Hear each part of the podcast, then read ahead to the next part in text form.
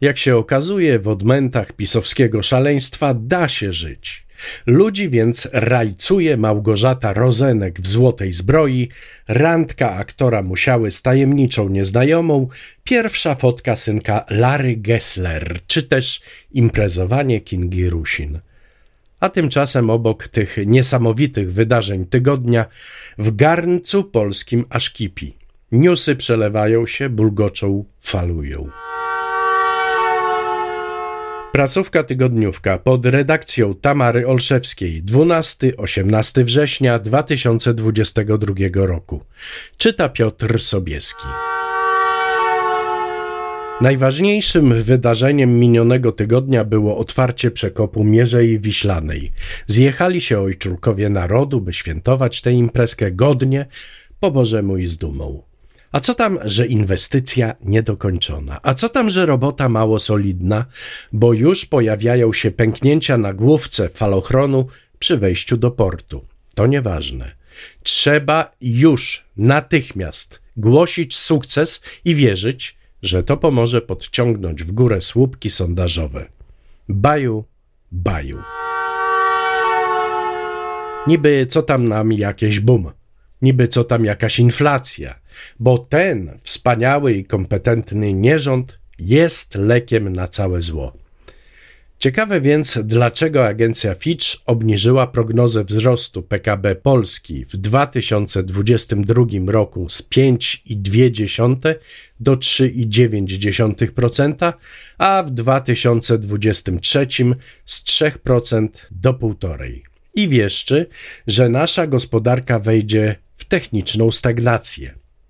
O nie, narodzie, nie wierz w te prognozy. Agencja kłamie.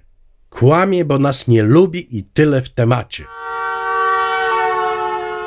A to się Cookies popisał w programie Hate Park na kanale sportowym w serwisie YouTube. Zapewne zaskoczyły go liczne telefony, w których krytykowano jego służalczość wobec PiS i nierealne pomysły którymś momencie więc nerwy mu puściły i rzucił do jednego z dzwoniących. Słuchaj, oszczędź sobie z tym pijanym wójtem, bo zacznę do ciebie na przykład mówić cfelu. Kultura polityczna leży i kwiczy. Dziennikarze TVP Info uznali, że prawdziwy Polak, patriota, nie ogląda transmisji z takich wydarzeń jak wręczenie nagród M100 Media Award, które w tym roku odbyło się w Poczdamie. Można więc takiemu prawdziwemu Polakowi wcisnąć kit.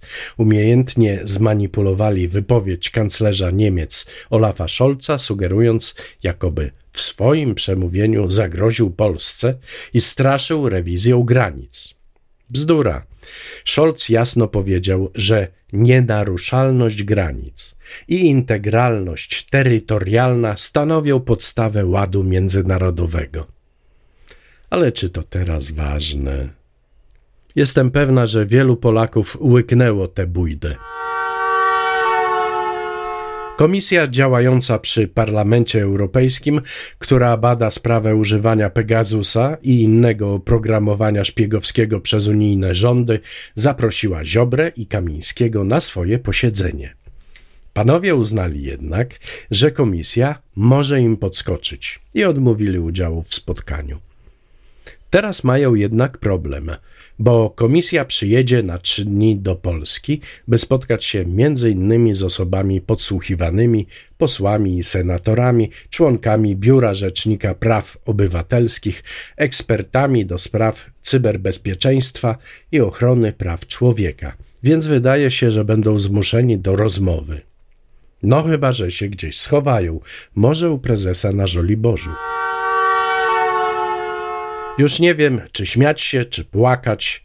Do dzieciaków w wieku 13-14 lat trafiła ankieta do wypełnienia, a w niej pytania o praktykowane zachowania seksualne, dopuszczalność aborcji i eutanazji, stosunek do homoseksualizmu, religii Kościoła katolickiego, czy o poglądy polityczne. Oczywiście warianty odpowiedzi są idealnie zgodne z tym, co propaguje obóz władzy. Ktoś wie, jaki jest sens tej ankiety? Czyżby Czarnek chciał sprawdzić, czy prowadzona już 7 lat indoktrynacja przynosi dobre skutki i produkcja homopisus idzie świetnie? Dziś mamy inflację na poziomie 16,1%. Glapiński obiecał, że w przyszłym roku będzie ona znacznie niższa, może nawet w okolicach 3%. A tymczasem Morawiecki przyznał, że w pierwszym kwartale 2023 roku skoczy w górę. Przejęzyczył się, zamyślił i dlatego powiedział prawdę. Na Mazurach jest sobie działka, własność spółki Jana Investment. To tam przylatuje z reguły helikopterem i odpoczywa od trudów codziennego życia Marta Kaczyńska, żona prezesa tejże spółki.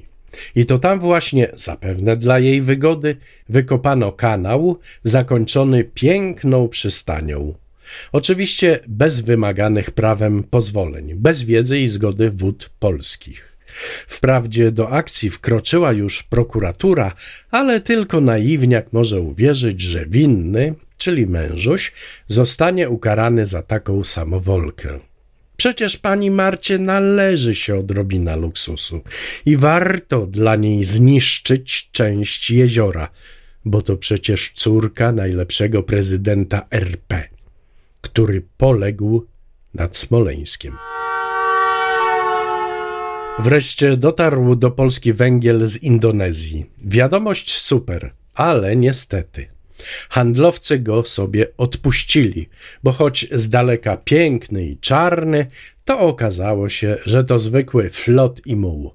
Najgorsze ze znanych odpadów po produkcji węgla.